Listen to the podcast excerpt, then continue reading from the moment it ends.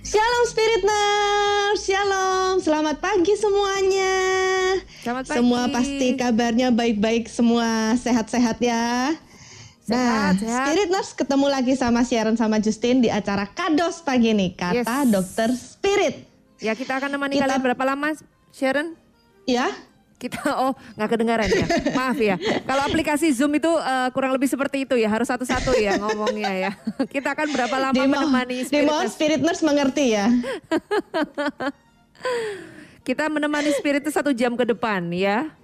Ya, betul banget. Dan hari ini kita mengangkat satu topik yang sempat heboh di dunia maya. Cie, Wah. lama banget istilahnya dunia maya. Eh, dunia dunia maya itu dari zaman kapan ya?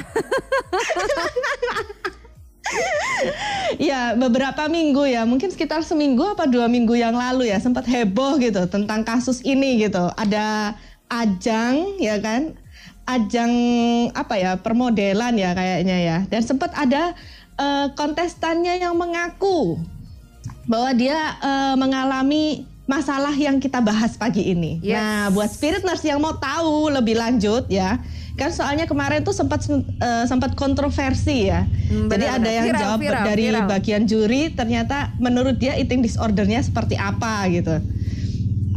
Ini Justin mau ngomong kah? Sudah ngomong dari tadi. Kelihatannya kamu sampai geleng-geleng. Aduh aku nggak dengar suaranya. Oke lanjut lanjut lanjut. Ya kan sampai ada dua juri yang eh, apa namanya menjadi heboh. Ya kan Ya, menjadi betul. heboh karena menanggapin masalah dari kontestannya ini. Nah, Ya, buat spiritners yang mau tahu lebih lanjut kita bahas pagi ini bersama dengan Dokter Mega. Shalom, selamat pagi Dokter Mega.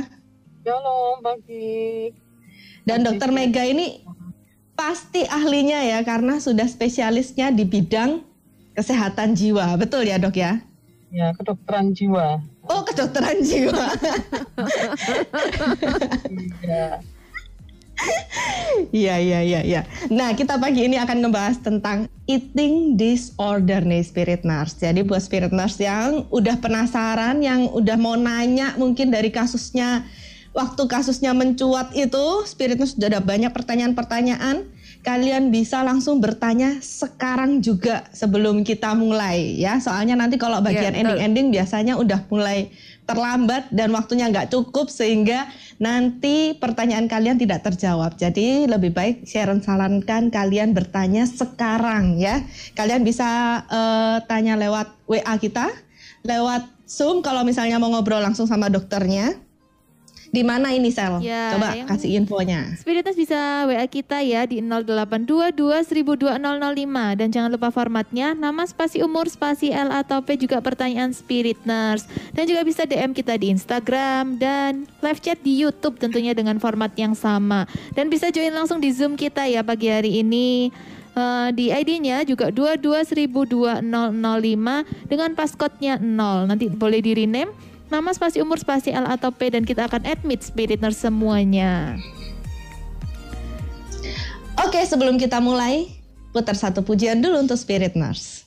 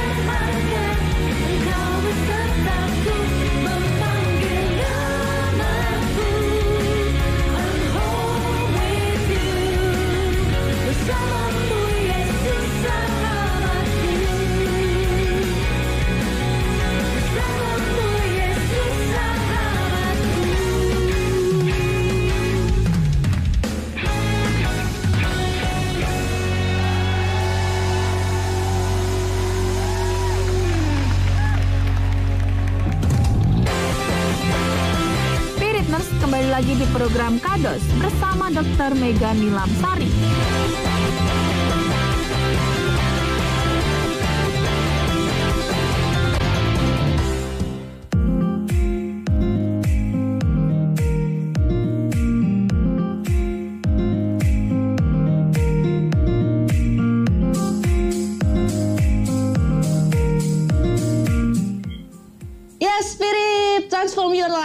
Kita balik lagi di acara Kados pagi ini tetap bareng sama Dokter Mega ya, spesialis kedokteran jiwa di mana eh, Dokter Mega ini pastinya sangat-sangat kompeten untuk membahas topik yang lagi hits ya, yang lagi viral akhir-akhir ini ya, Ya, kan beberapa sekali. minggu yang lalu.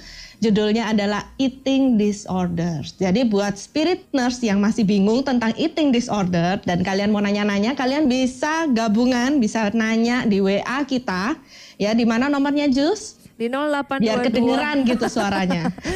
0822 1000 2005 ya. Jangan lupa spiritus yang mau WhatsApp kita langsung aja di 0822 1000 2005. Dengan format wajibnya nama spasi umur, spasi L atau P. Setelah itu baru boleh tanya apa aja tentang eating disorder. Nanti mungkin eh, Dokter Mega juga akan menjelaskan dulu seperti apa eating disorder ini supaya paling tidak spiritus juga ngerti. Atau mungkin yang sempat eh, beberapa saat ini sudah ngelihat berita yang viral itu ya, yang tahu tentang eating disorder itu seperti ini gitu ya. Nah, boleh mungkin bertanya. Silakan atau kalian bisa gabung kita secara virtual Zoom lewat Di ID Zoom kita 22.2005 dengan passcode-nya 0 dan jangan lupa namanya diganti dengan format wajibnya nama spasi umur spasi L atau P dan kita akan admit spiriters untuk masuk. Iya, satu hal lagi buat uh, Spiriters kalian bisa lihat kita secara live ya lewat Iya. YouTube ataupun lewat Instagram. Jadi kalian bisa langsung DM atau live chat di sana untuk kalian mau, mau bertanya apa pun Nah, tentang eating disorder. Betul. Dan kita langsung aja ke Dokter Mega untuk pembahasan seperti apa sih eating disorder ini sebenarnya, Dok? Ya. Selamat pagi. Ini saya share screen aja dulu ya. Iya, boleh, boleh, boleh. Silakan Dokter kalau untuk share Ya. screen-nya. Jadi kalau uh, spiritnya semuanya mungkin uh, mau lihat share screen-nya ya kan, kalian bisa langsung bergabung lewat YouTube kita di Spirit 95.6 jadi kalian bisa langsung juga memahami lebih jelas lagi, lebih mengetahui lagi gambar-gambarnya seperti apa sih eating disorder ini. Nah, ini lagi dijelaskan sama Dokter Mega pada pagi hari ini. Ya. Eating disorder atau gangguan makan itu merupakan suatu rangkaian kondisi psikologis yang menyebabkan berkembangnya kebiasaan makan yang tidak sehat. Nah biasanya gangguan makan ini dipicu sama tiga hal ini. Hmm. Kalau tidak obsesi pada makanan, dia terfokus pada berat badannya atau bentuk tubuhnya. Sehingga menyebabkan gangguan makan ini menjadi suatu kondisi kesehatan mental yang kompleks dan sering memerlukan intervensi ahli medis dan psikologis. Nah dok, saya mau nanya dulu nih dok. Ini tadi dokter bilangnya kan ada obsesi pada makanan. Obsesi pada Hmm. makanan ini maksudnya seperti apa sih dok? Jadi dia tuh fokus pada makanan, makanan. Jadi makan, Apa makan suka dan makan atau gimana dok? Iya, karena dia fokus mau makan terus, mau makan, mau makan pada makanan-makanan tertentu, mau makan, makan terus pokoknya. Nah kalau Apa termasuk misalnya gini Dia dok. menjauhi makanan. Oh, jadi obsesi pada makanan ini bisa dia itu eh, suka terobsesi makan pada terus makanan. gitu. Mm-mm. Makan terus bisa juga Nah, menjauhi makanan gitu. Makanan, iya. Oh gitu loh. Kalau misalnya saya nih dok, kalau lagi stres atau misalnya banyak masalah, saya kan Suka makan juga. Nah, Itu suka makan sama makanya gitu berat ya? badannya nggak turun-turun. Ya. Nah, i- itu yang termasuk nggak dok? yang pasti ada gejala-gejala lain yang menyertai. Oh ada gejalanya. Eh, eh, jadi ada gangguan kan kompleks nih sebenarnya. Ya jadi nggak Hmm. cuma fokus ke makanan, akhirnya ada hal-hal lain yang menyertai selain dari makannya itu tadi. Hmm. Cuman penyebab awalnya ada yang mendasarinya. Apakah gangguan cemas, apakah ada depresi, apakah ada psikotik, gangguan proses berpikir yang berat, ya. Gitu. Jadi Gangguan apa, Dok? Psikotik ya, psikotik itu gangguan gangguan mental yang lebih berat, gangguan hmm, proses pikir. mungkin karena tertekan gitu ya dok ya? Ya, penyebabnya banyak juga kenapa orang bisa jadi psikotik. Mm-mm. Kalau gejalanya apa aja dok? Obsesi pada Ya. makanan ini dok. Ya, kita lanjut dulu ya. Oh, ya. Ah. Ya, sekarang oke kita bahas di epidemiologinya. Seperti tadi yang disampaikan Sharon itu siapa siapa saja bisa mengalami gangguan makan ini. Tahu dari mana? Nah ini, di orang orang datang kemungkinan kecil ke eh, apa sarana kesehatan itu bukan karena saya kok makannya banyak ya, bukan. Rata-rata datangnya karena akibat jangka panjangnya. Hmm. Ya, jadi gini, prevalensi gangguan makan terus meningkat di negara maju dilihat dari banyaknya kunjungan ke fasilitas kesehatan akibat masalah ini. Ya, masalahnya nanti banyak yang terjadi akibat gangguan makan ini. Ya, kemudian prevalensi gangguan makan sama-sama mengalami peningkatan baik di negara barat maupun Asia ya. Ya, persentase-nya ya cukup tinggi. Nah, terus nah penyebabnya itu apa? Biasanya kombinasi dari beberapa faktor peristiwa atau perasaan atau adanya tekanan ya. Seseorang mungkin menggunakan makanan untuk membantu mereka menghadapi situasi atau perasaan yang menyakitkan tanpa menyadarinya. Bisa ada riwayat cedera fisik atau seksual sebagai faktor-faktor predisposisi atau penyebab penyebab sebelumnya. Atau mungkin ada faktor genetik ada masalah-masalah biologis seperti prematur trauma jalan lahir ya atau unsur-unsur biokimia. Oh, Kemudian bisa faktor genetik juga ya dok ya? bisa, tetapi belum tentu sama. Hmm. Jadi Oke, kalau orang tua eh, kalau dianya mengalami gangguan makan, belum tentu orang tuanya gangguan makan. Bisa jadi orang tuanya gangguan cemas. Hmm. Jadi kalau kalau gangguan psikiatri itu eh, gangguan kejiwaan itu kalau Hmm. genetik itu belum tentu manifestasinya sama. Jadi seperti alergi ya dok ya? Kalau orang tua misalnya alerginya gatal-gatal, anaknya bisa asma misalnya gitu ya dok? Bisa, bisa, ha-ha, bisa. Oh, ya. Jadi beda-beda. Heeh, ya. Kemudian gejala apa yang berpotensi mengalami gangguan makan? Misalnya dia itu suka olahraga yang berlebihan sekali. Dia berokupasi, preokupasi ya. Dia itu fokus terus sama kalau dia itu gemuk. Kemudian adanya abnormal electrolyte level. Ya dia udah mulai rasa lelah dia rasanya kok nggak bener ini badannya gitu-gitu ya. Rasanya terus eh, ada gangguan-gangguan eh, apa? Kalau mau beraktivitas itu pasti dia nggak bisa ya. Terus intense fear of gaining weight. Jadi dia itu eh, adanya suatu ketakutan yang intens kalau berat badannya na- naik. Jadi dia tuh rutin nimbang makanannya ini ya gambarnya ya. Terus unusually large intake of food. Jadi dia juga makan banyak yang nggak biasanya.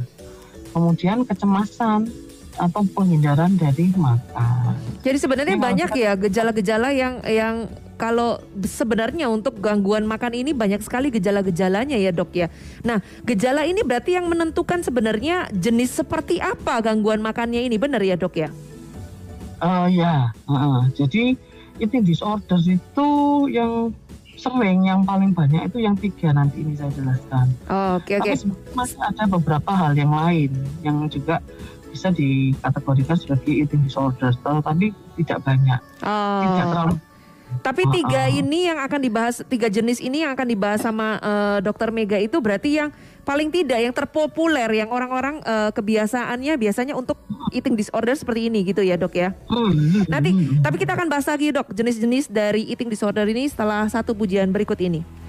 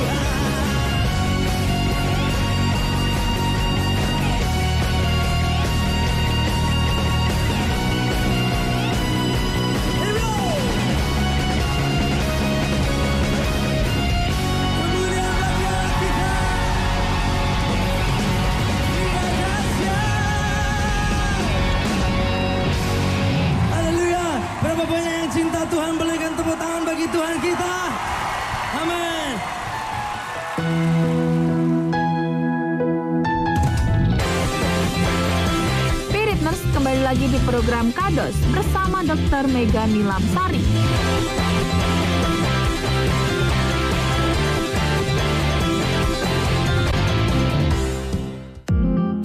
Oke, balik lagi bersama dengan Justin, Sharon, dan hari ini kita ada narasumber Dokter Mega yang membantu kita untuk berbicara tentang uh, eating disorder pada pagi hari ini di kata Dokter Spirit selama satu jam. Wah, sudah setengah jam berlalu ternyata. betul. Sisa setengah jam lagi ya. Singkat sekali waktunya dan kita langsung aja ya, Waduh, nggak Sharon ya, benar ya. ya. kita langsung aja ya Sharon ya untuk uh, dokternya menjelaskan lanjutannya, benar? Silakan dok. Oh iya. Heeh.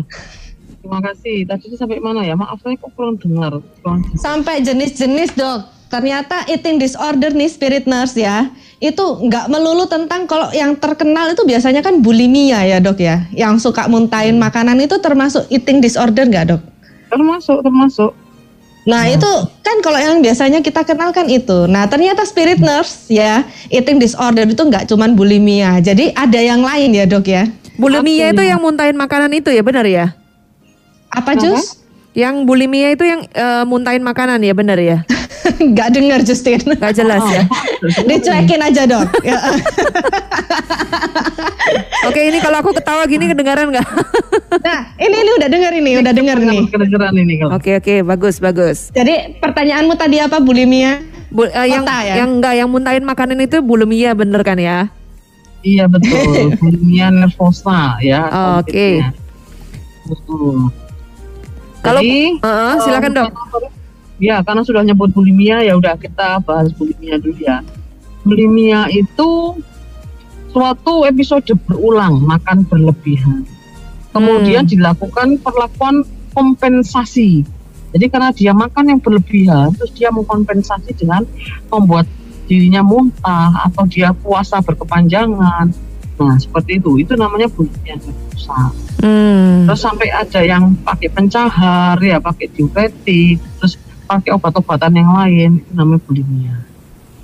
Nah, Hmm. kalau ada ada juga yang mirip itu, namanya ini cukup sering juga, namanya ini ya anoreksia nervosa. Oh iya iya, Justin juga pernah dengerin ya anoreksia. Itu mirip-mirip juga kan ya dengan bulimia kalau nggak salah ya dok? Ya mirip, tetapi kalau anoreksia itu dia selalu fokus kalau dirinya itu gemuk, bahkan sampai Dirinya apa dok? Maaf dok nggak dengar. gemuk, gemuk. Gemuk. Oh. Ya, oh ini yang anoreksia ya, merasa dirinya gemuk gitu ya dok? gemuk, bahkan saat dia sudah tipis seperti ranting dia masih Tipis seperti Kalau ranting. Justin, kalau kita ya Jus ya. Kita kayak pohon, kita kayak pohon besar. ini body shaming diri sendiri ini. Karena kalau lihat gambar-gambarnya kan gambar-gambarnya kayak ranting gitu tipis gitu. Tapi dia tetap merasa kalau ngeliat Amin tuh dia merasa dirinya besar. Oh. Biasanya model-model ya dok yang kayak gini ya. Hmm, Jadi dia tuh takut sekali kalau mau makan. Hmm. Dok ini ada pertanyaan ya. Eh, dari Titin, dia mau tanya, dia tuh punya anak umur 28. Dan eh kalau meker itu apa? Mungkin Mekar. mikir, mikir. Oh, kalau mikir makannya Makannya banyak, banyak. makannya banyak. Eh, kalau mikir, oh kalau dia tuh banyak pikiran, akhirnya makannya banyak dok. Terus berat badannya itu sudah sampai 80, 80 kilo. Tingginya dia cuma 169. Nah gimana cara menguruskan? Sama kayak aku Ini, ini, ya. ini Kalau kita banyak perlu- mikir, banyak makan juga. bener bener kita juga perlu tahu ini gimana cara kuruskan kayak gitu. Nah, ya Itu gimana dok? Dan cukup tinggi ya, 169 berat badannya 8 ya kelebihan lah ya kelebihan tapi ya kan itu nggak terlalu banyak kelebihan sekitar 10 20 15 kilo kan saya Oh ya itu banyak dok, oh, banyak ya banyak dok. Kelebihan 10-15 kilo. Dok kita turunin satu kilo aja susahnya minta ampun dok. Oh iya, ini sebenarnya juga Berjuang. narasumber yang kurus-kurus ini. Nggak apa-apa dok, kita berjuang bersama dok. Semangat. Oh, iya, ayo semangat ya. Um, intinya sih satu, tadi kan seperti yang ditanyakan Sharon juga. Hmm. Apakah ada penyebab lainnya yang mendasari? Kita perlu eksplor lebih lanjut. Kemudian eating disordernya sampai seberapa? Hmm. Apakah dia sudah benar-benar nggak bisa kontrol? Nah, kan ini kalau itu masuk di BED, binge eating disorder, memang gangguan makan yang berlebih sampai obesitas. Oh, yang binge binge, binge Ah, eating Nah, disorder. Ya, jadi sampai akhirnya yang muncul adalah akibat akibat dari makan banyaknya itu tadi. Hmm. Jadi kalau yang PED itu dia nggak nggak ada nggak ada perilaku kompensasi. Jadi dia nggak mau muntahkan, dia nggak mau buat dirinya apa berpuasa segala macam enggak. Nah, tapi dia ada merasa bersalah. Dia makan banyak itu sembunyi-sembunyi. Oh, iya iya iya iya. Dia gitu-gitu. Ya kalau kalau yang PED itu yang yang yang ketiga yang tadi mau saya sampaikan. Tapi ya itu kalau gejala yang bulimia itu karena dia sering memuntahkan itu pasti ada gejala-gejala. Oh, jadi lebih kurang bagus itu yang bulimia karena dia dimuntahkan gitu ya, Dok ya. Ya bulimia tidak bagus, tapi yang anoreksia juga tidak bagus. Hmm. Loh dok, bulimia sama anoreksia ini kan mirip ya dok ya, serupa ya. Mhm. Dengan cara memuntahkan terus bedanya apa ya dok? Kapan orang-orang itu disebut bulimia, kapan disebut anoreksia? Kalau bulimia itu langsung refleksnya. Jadi dia habis Hmm. mau makan banyak nggak terkontrol, langsung dia kompensasi Muntah. dia muntah. Hmm. terus langsung dia harus udah pokoknya aku nggak mau makan berapa lama gitu. Kalau anoreksia dia cenderung menghindari makanan Hmm. karena dia merasa gemuk. Dia Oke. sampai diet nggak karu-karuan kadang dia uh, sampai minum diuretik segala macam badannya udah kurus sekali tetapi yang udah dipikirnya dia adalah gemuk. Tetapi kalau bulimia itu berarti bukan berarti dia kurus ya, Dok. Bisa saja dia gemuk Bukan. sebenarnya. Iya bisa gemuk Hmm. tapi langsung dimuntahkan langsung dimutahkan gimana caranya lah ini kan kalau emang dia sering memuntahkan kan pasti ada masalah nih di daerah pencernaan ya. ya ya mulut dulu dah mulut dulu ya kemungkinan intinya itu akan sering kena asam lambung Luka. kan Ah, ah. Hmm. jadi enamel giginya biasanya sensitif ada yang beberapa yang ada radang bahkan sampai busuk ya akibat paparan dari asam lambung kan dia berusaha muntah nih Hmm. Nah, kemudian yang anu tenggorokannya ya sudah ada radang-radang penjar-penjar udah daerah tenggorokan leher itu biasanya sering radang. Hmm. Nah, kemudian ya sampai ada dehidrasi. Terus tekanan ususnya biasanya juga ada terganggu. Hmm. Plus ketidakseimbangan elektrolit. Hmm. Kalau yang bulimia. Jadi kalau Kalau yang anak Hmm? kalau yang bulimia ini sebenarnya dok ya, eh, sebenarnya kurang lebih terdeteksi yang bulimia ini daripada yang anoreksia sebenarnya ya dok ya. Maksudnya kita orang-orang di sekeliling kita atau di sekitar kita yang yang kita gampang untuk lebih tahu itu yang sebenarnya yang bulimia ini ya dok ya. Iya, kelihatan langsung. Tapi yang anoreksia itu ya kelihatan. loh. Jadi ke anoreksia itu pasti kalau dia eh, kumpul sama orang pasti dia kelihatan kurus sekali. Dan dia ada rasa ketakutan, rasa unsafe, apa ya insecure, ada cemas, diajak omong nggak nyambung, Hmm. Hmm. itu dia Jadi nggak dia masalah makan ya? Fokusnya sudah mulai berkurang juga. Kenapa? Jadi bukan hanya masalah makan berarti dok, hanya eh, fokusnya juga sudah mulai berkurang ya dok ya. Oh sudah berkurang, pasti berkurang. Dia dia ringkih gitu istilahnya, ringkih ya.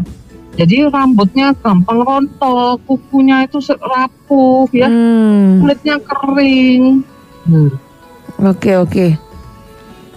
Ini Itu tapi anu, Eh, Dok, saya mau tanya sih, kalau bulimia kan dia langsung memuntahkan, anoreksia juga kurang lebih seperti itu ya. Mungkin eh, beda dengan gangguan makan berlebihan itu.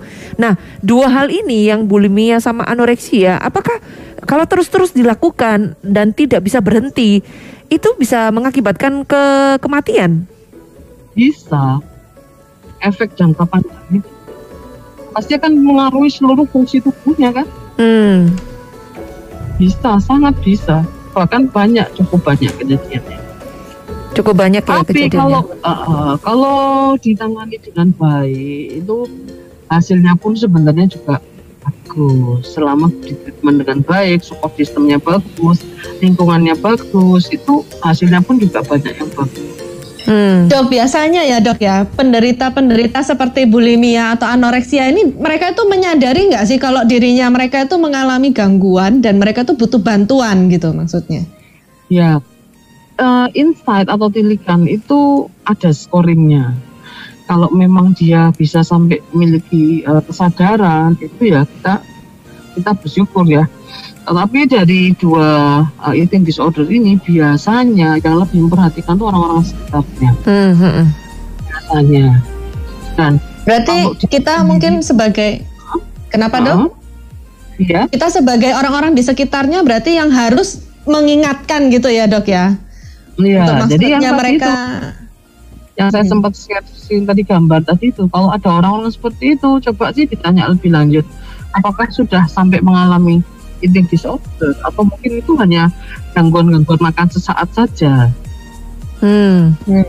Oh berarti ada sebenarnya gangguan makanan sesaat ya dok ya? Mungkin kayak Sharon sama Justin ini gangguan makan sesaat kita. betul betul. Tadi sudah sudah aku konsultasikan Heeh. Jus.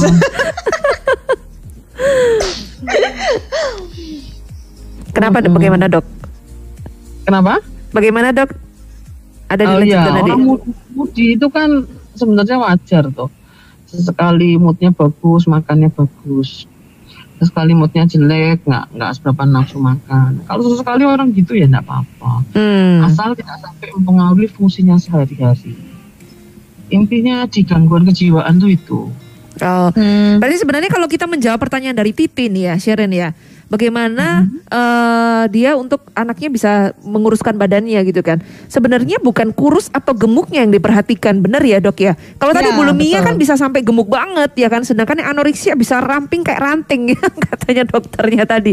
Tetapi yang penting adalah kesehatannya seperti apa, mind mindsetnya seperti apa gitu, benar ya dok ya? Hmm. Apakah dia mengalami eating disorder apa enggak gitu ya? Kenapa kok makan terus?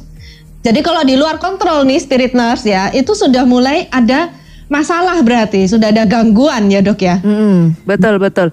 Tapi kalau kayak Sharon sama Justin itu cuma sementara ya. sementara. Jadi kalau kalau kita mikir banyak terus makan banyak juga ya kan kalau kayak Sharon gitu ya.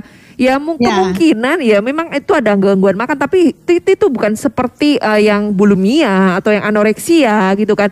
Eh, kalau Justin kebalikannya, kalau banyak pikiran justru nggak mau makan. kalau lagi santai-santai makannya banyak. Berarti caramu kurus gampang Jus, tambahin aja pikiranmu.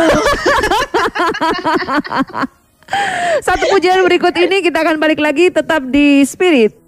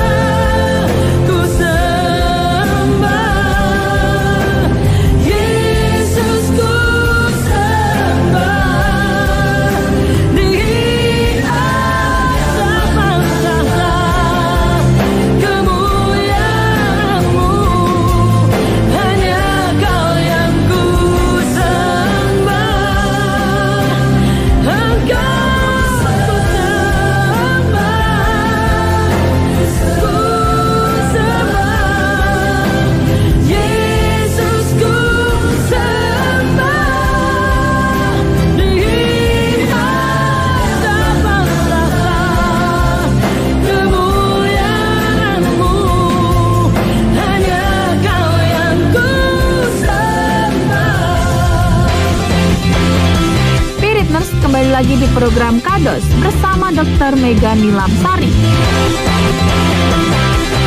Oke, bersama dengan Justin dan juga Sharon, eh, kita juga ditemani oleh Dokter Mega. Hari ini kita membahas tentang eating disorder ya, spiritness ya. Jadi buat spiritness semuanya pagi hari ini eh, mepet banget sebenarnya waktu kita ya, cuma satu jam untuk bisa membahas eating disorder. Padahal ini sebenarnya seru banget ya Sharon ya. seru. Seru banget. Pokoknya kita tentang makan makanan, eh, berat badan kita seru, langsung seru jadinya. Minatnya ke kita memang. Iya minatnya. benar-benar. Itu obsesinya kita sendiri ya. Dan tapi kita mau masuk kesimpulan ini sudah dok. Ya, kesimpulannya bahwa memang gangguan makan bisa mengenai siapa pun. Dan apakah gangguan makan itu benar-benar sudah menjadi gangguan makan seperti yang ada pada diagnosis kedokteran jiwa? Ya, itu harus perlu pemeriksaan lebih lanjut. Hmm. Saya ada tips apa yang harus kita lakukan jika saya pikir saya ini memiliki gangguan makan. Ya, yang pertama ya kita harus mengatur makan kita seperti apa. Nah, ada namanya mindful eating. Mindful eating itu apa? Makan yang penuh dengan kesadaran. Libatkan semua indera perlahan-lahan ya, supaya kita itu bisa lebih tanggung jawab dengan apa yang akan kita makan. Pertimbangkan apa yang mau dimakan. Apa motifnya sebelum makan? Apakah karena suka makanan enak? Apakah cuma kebiasaan aja, misalnya tiap tahun baru kumpul makan? Atau mungkin ada apa namanya eh, kesenangan aja karena karena aku habis kelulusan aku mau menraktir diriku makan-makan gitu ya. Atau misalnya apa eh, untuk sosialisasi atau biar nggak dianggap nggak gaul gitu ya. Oh aku Hmm. harus makan ini gitu. Ada tren makanan tertentu gitu makan itu ada ini keluar. Restoran baru buka. Ayo Sharon kita makan gitu. Aku paling pusing kontrol kalau ada yang gini. Ayo ke traktir kita makan makanan baru. Langsung. Nah, nah, Semua mau itu semua, itu semua nggak hanya kamu kalau itu semua. itu kan sekali-kali toh Iya betul. Ah, Kalau sekali-sekali nggak apa-apa Sharon. Kalau keseringan ya jadi kayak kita loh, susah turunnya beratnya. Masalahnya kita setiap bulan diajak gitu biasanya dok. Iya, luar biasa ya saya mendengar Saya kok nggak diajak. Terus itu ya kalau memang ada sesuatu yang tadi kan bilang kalau setiap saya ada masalah saya selalu makan setiap ada masalah selalu saya selalu makan coba sebelum makan ngomong sama orang yang bisa dipercaya Hmm. apa masalah apa itu jadi sebelum kita kalau kita mau melampiaskan sesuatu coba carilah hal yang lebih positif Betul betul. bukan aja gitu ya dan yang pasti kalau memang dia insight atau kesadarannya masih bagus dan dia merasa ada yang salah ya temui dokter terdekat karena perawatan sedini mungkin itu untuk menghindari konsekuensi jangka panjangnya. Hmm. ya konsekuensi jangka panjangnya itu ngeri-ngeri ya serem-serem sekali. Ya tadi mungkin ke, saya cuma baca sekilas ya mungkin nanti spirit person yang lain bisa browsing sendiri. Uh, komplikasi jangka panjangnya anoreksia itu apa? Komplikasi jangka panjangnya bulimia itu apa? Komplikasi jangka panjangnya binge eating disorder itu apa? Ya kemudian pasti akan melibatkan tim profesional dari ahli gizi, penyakit dalam, ya, terus psikiater dan mungkin ya psikolog ya. Hmm. Dan kalau kemungkinan dari kegawat daruratan psikiatrinya itu orang yang dengan mengalami gangguan makan itu memiliki resiko untuk paling jeleknya itu sampai ada pikiran-pikiran untuk bunuh diri. Iya, kok bisa ya? Kadang-kadang Justin berpikir seperti itu juga soalnya dok. Kenapa ya dari gangguan makan ini atau eating is- disorder ini mereka bisa berpikir sampai mau bunuh diri gitu loh? Apa yang Karena membuat mereka seperti itu? Underlying disease-nya tidak tertangani. Hmm. dia ada gangguan cemas, gangguan depresi, atau mungkin tadi yang saya bilang psikotiknya tidak tertangani. Jadi biasanya gangguan yang disebut gangguan makan itu ada penyakit lain yang mendasar. Apa? Belum tentu kejiwaan sih. Ada juga faktor faktor fisik yang lain yang bisa menyebabkan dia sampai tidak kepingin makan atau mungkin ada gangguan di hormon sampai dia makannya banyak dan lain sebagainya. Dok, saya mau nanya nih ya, terakhir masih sempat ya Jus ya. Hmm, Oke oke. Cuma masih dikit bisa. aja kok. Jadi jadi dok supaya spirit nurse juga tahu nih ya, kan tadi kita sempat bahas eh, di off air ya dok ya, supaya spirit nurse juga dengar eh, gimana yang tadi sempat dokter bilang kalau kita stres, kadang kita banyak makan gitu ya, itu eh, kapan kita tahu bahwa ini sudah berlebihan gitu dan aku ini butuh bantuan gitu kan? Kalau misalnya kita nggak berlebihan itu kan kita pikir ya sesekali masih wajar ya kata dokter ya. Kapan kita mulai merasa bahwa ini udah nggak baik ini?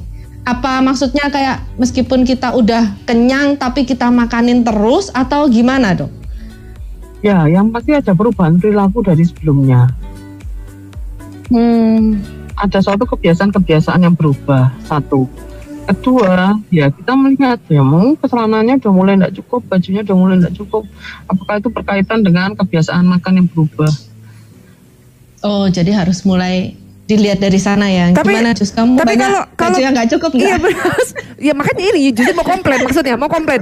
Zaman pandemi ini ya dok ya, zaman pandemi ini kan otomatis eh, eh, kita di rumah aja ya kan. Dan itu pola tubuh juga langsung berubah drastis. Ah, iya. Tapi hampir setahun berlalu gitu kan. Eh, apakah ketakutan orang-orang tentang Ih aku kok tambah gemuk ya Oh aku kok berat badannya kok baju yang mulai gak cukup Celananya kok mulai gak cukup gitu loh Apakah mereka juga harus mulai berpikir bahwa Kemungkinan mereka punya eating disorder ini Apa seperti itu nggak dok? Eh, enggak, enggak juga. Kan ini disorder pasti kan fokusnya di makan. Hmm. apakah mereka ada gangguan di, di pola makannya. Kalau memang ada hal lain yang menunjang mereka untuk gak banyak aktivitas kan ya berarti tidak fokus di disordernya. Oh oke oke Berarti bisa juga karena kurang aktivitas. Kurang Karena di olahraga rumah aja. Lingkungannya ya. Kalau mau lihat yang siklus siklus uh, uh, disorder ini, memang ada trigger-trigger dari fisik, environmental dan atau emosionalnya. Hmm. Tapi apakah ini nanti berlanjut sampai akhirnya makan-makan yang nggak betul gitu. Hmm. Tapi kalau ini nggak berlanjut ya berarti kan nggak jadi siklus. Oh oke oke oke Seperti itu ya berarti ngelihatnya ya dok ya Ya, Jadi kalau umpamanya sekarang ini eh, Justin kan sempat berpikir bahwa kenapa ya aku kok sudah berat badannya eh, makin naik tuh. Ini Justin sudah naiknya tuh kemarin itu sempat naik sampai 9 eh 7 7 kilo dok naiknya. Pandemi loh. Pandemi ini naik bisa sampai 7 kilo gitu kan karena di rumah Tenang terus. Jus, belum 10 sampai 15 kilo kok. makanya aku itu belum banyak nggak apa-apa loh. Nah, tapi puji Tuhan ya memang ya dok ya. eh, Justin juga mungkin berpikir ya, ya apa mungkin karena kurang olahraga dan akhirnya mulai berolahraga kan, mulai jalan-jalan, mulai lari gitu kan, dan mulai perlahan-lahan mulai turun gitu kan. Nah, permasalahannya kadang kan ada orang yang tidak sadar akan hal seperti itu. Jadi mereka makan terus naik ya biarin deh udah memang kayak gini eh, nggak bisa turun-turun gitu kan minum air aja bisa bertambah kok berat badannya gitu kan terus terus akhirnya udah biarin makan makan dan makan dan makan dan Yang makan penting bahagia. Yang penting- Nah seperti itu itu belum termasuk eh, untuk eh, per- apa maksudnya orang bilang eh, eating disorder ini ya dok yang enggak kan ya? Sebenarnya intinya kan selama ada perubahan perilaku makan dan akhirnya menimbulkan masalah dalam kehidupan sehari-hari, terutama kondisi mentalnya ya, itu pasti ada hubungannya dengan eating disorder. Oh Mungkin maksudnya jadi dokter berarti. yang kayak lose control gitu ya dok ya? Terus kontrolnya kemungkinan besar itu ada. Hmm. Terutama tadi Jadi- kan, jadi kalau yang anoreksia dia tidak mau makan, kalau yang satunya dia, Mau angkat terus malah. Iya. Makan terus dimuntahin. Nah itu, kalau yang binge eating disorder kan nggak dimuntahin. Iya benar. itu makan masuk terus ya dok. Berarti Ah, dia maksudnya kalau udah kenyang pun dia nggak bisa ngontrol harus berhenti makan gitu dok. Iya, dia dia baru berhenti makan kalau makanannya sudah habis. Oh jadi kalau disediakan makan terus makan terus dia dok. makan terus. Gawatnya kan kalau dia tuh rumahnya deket sama toko itu. terus apa? Keuangan lancar ya tuh. Jadi online terus gitu datang terus. Repot. Iya iya, mungkin Nanti biasanya datang-datang kalau udah diabetes, kalau sudah ada uh, sudah obesitas gejala yang koroner, uh, hmm. itu yang bahaya. Jadi mungkin eh, spiritus juga mungkin harus tahu ya bahwa eh, eating disorder itu bukan hanya gangguan eh, dalam hal perilaku kita makan jadi berlebihan ataupun memu- ada yang beberapa yang memuntahkan makanan ya kan? Ataupun ada juga yang eh, merasa kurus banget ya kan? Terus habis itu ada juga yang merasa mungkin aku kok eh, makan terus gak selesai-selesai gitu ya. Tapi ternyata dalam segala sesuatu yang terjadi atau pola perilaku yang berubah itu kita harus ngeceknya benar-benar lebih teliti ya. Apakah kita mungkin benar-benar gangguan makan atau eh, kayak Sharon bilang tadi hanya mut-mutan kepingin makan nggak kepingin makan ya kan? Bisa berhari-hari nggak kepingin makan bisa berhari-hari kepingin makan terus gitu kan. Nah dokternya bilang lebih baik memang konsultasi kepada eh, spesialis tertentu ya dok ya. Mungkin kalau kalau kalau tentang eating disorder ini kita biasanya konsultasi ke mana ini dok ya?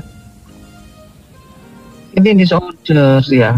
Kalau berkaitan dengan pol gangguan pola makan atau mungkin dia merasa aku nggak ada masalah apa-apa, tetapi kok rasanya makanku ini juga mungkin nggak terlalu banyak, tapi kok berat badan terus naik, ya minimal ke ahli gizi.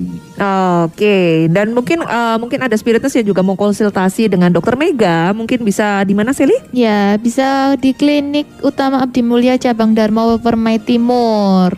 Ini Senin sampai Jumat jam 16 sampai 18 atau ada perubahan lagi, Dok? Ya, ini bisa nanti konfirmasi ke admin kliniknya dulu. Oke. By appointment aja ya dok ya. Hmm. Mungkin nomor teleponnya Seli? Oh ya, juga bisa WA Dokter Mega di 0896 7706 0890. Saya ulangi lagi ya, di 0896 7706 0890. Nah, Dokter Mega. Dokter Mega Nilamsari dan kalau kalian mau konsultasi silahkan kalian bisa langsung by appointment aja ya kalian WA atau mungkin kalian langsung chat aja dengan Dokter Mega. Terima kasih hari ini Dokter Mega yang sudah menemani kita selama satu jam membahas tentang eating eating disorder. Apa Terima kasih Dokter Mega, Tuhan memberkati. Ya, bukan nomor saya ya. Oh, nomor klinik. Ke nomor klinik aja. nomor kliniknya, nomor kliniknya. Oh, itu nomor Iya, itu klinik nomor yang tadi. kliniknya. Oh, itu nomor kliniknya. Ya, oke. Ya, Jangan telepon habis itu. "Eh, ini dokter Mega ya. Oh, bukan ini kliniknya. yang penting bisa konsultasi ya. Nanti kan Ya. bisa appointment dan ketemu Dokter Mega akhirnya. Betul betul. Jadi Kalian juga spirit- bisa tanya-tanya tentang gangguan makan. Mungkin yang kalian berpikir bahwa ini aku seperti ini nih gangguan makan apa enggak sih dok? Nah itu bisa tanya-tanya nanti ke dokter Mega sendiri. Jadi ternyata kita ini spirit nurse nggak boleh menyepelekan yang namanya eating disorders ya Jus ya. Iya Jadi gangguan makan hari-hari kita ya harus ditanyain Iya. ya. Karena gangguan makan ini ternyata bisa berujung pada kematian juga spirit nurse. Jadi bukan hal-hal yang sepele. Jadi kalian kalau udah mulai kayak menemukan diri kalian ada pola makan yang terganggu atau mungkin kalian ngelihat teman kalian kok kelihatannya dia ini kok anu ya. Ada berubah ya aneh. perilaku makannya ya. Nah, Hmm. peri- perilakunya udah mulai berubah dan cara makannya juga udah berubah. Kalian harus mengingatkan karena tadi kayak katanya dokter Mega bahwa mereka itu sendiri sebetulnya nggak sadar gitu ya bahwa mereka itu mengalami eating disorder. Jadi Iya, buat iya, kalian betul. keliling harus menyelamatkan teman-teman kalian yang seperti itu. Tapi tapi Kalau yang udah gendut-gendut harus diingetin juga. Iya benar-benar. Ya, ya, ya. jangan lupa, jangan harus jangan jangan juga harus kurus banget, enggak. Tapi ya hidup sehat lah, paling enggak olahraga, paling enggak eh, berat badan sesuai dengan BMI ya, bener BMI ya. Ya BMI. Ya, Nah. body mass itu. Ya, yang yang normal-normal aja, jangan sampai juga terlalu berlebihan berat badannya sehingga nanti banyak sakit penyakit yang datang justru ya.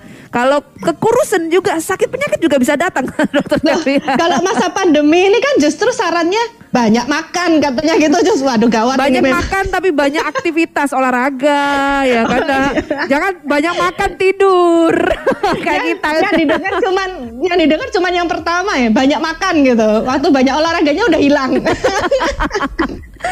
Oke terima kasih buat dokter Mega hari ini yang sudah sempat menemani kita ya walaupun jadwal yang sangat sibuk sekali ya sampai ngezoomnya harus dari mobil ya dok ya mohon maaf ya dok ya tapi terima kasih hari ini ada kesempatan untuk bisa eh, memberkati untuk spiritness semuanya. Terima kasih juga buat Sharon hari ini yang sudah temenin Justin dan juga Sally yang sudah Thank membantu you, di operator. Justin. Terima kasih buat Andro, terima kasih juga buat Thank semua you, Sally. spiritness di mana pun kalian berada. Akhir kata kita mau ucapin keep the spirit, keep the fire, and God, bless you. God bless you. semuanya God bless you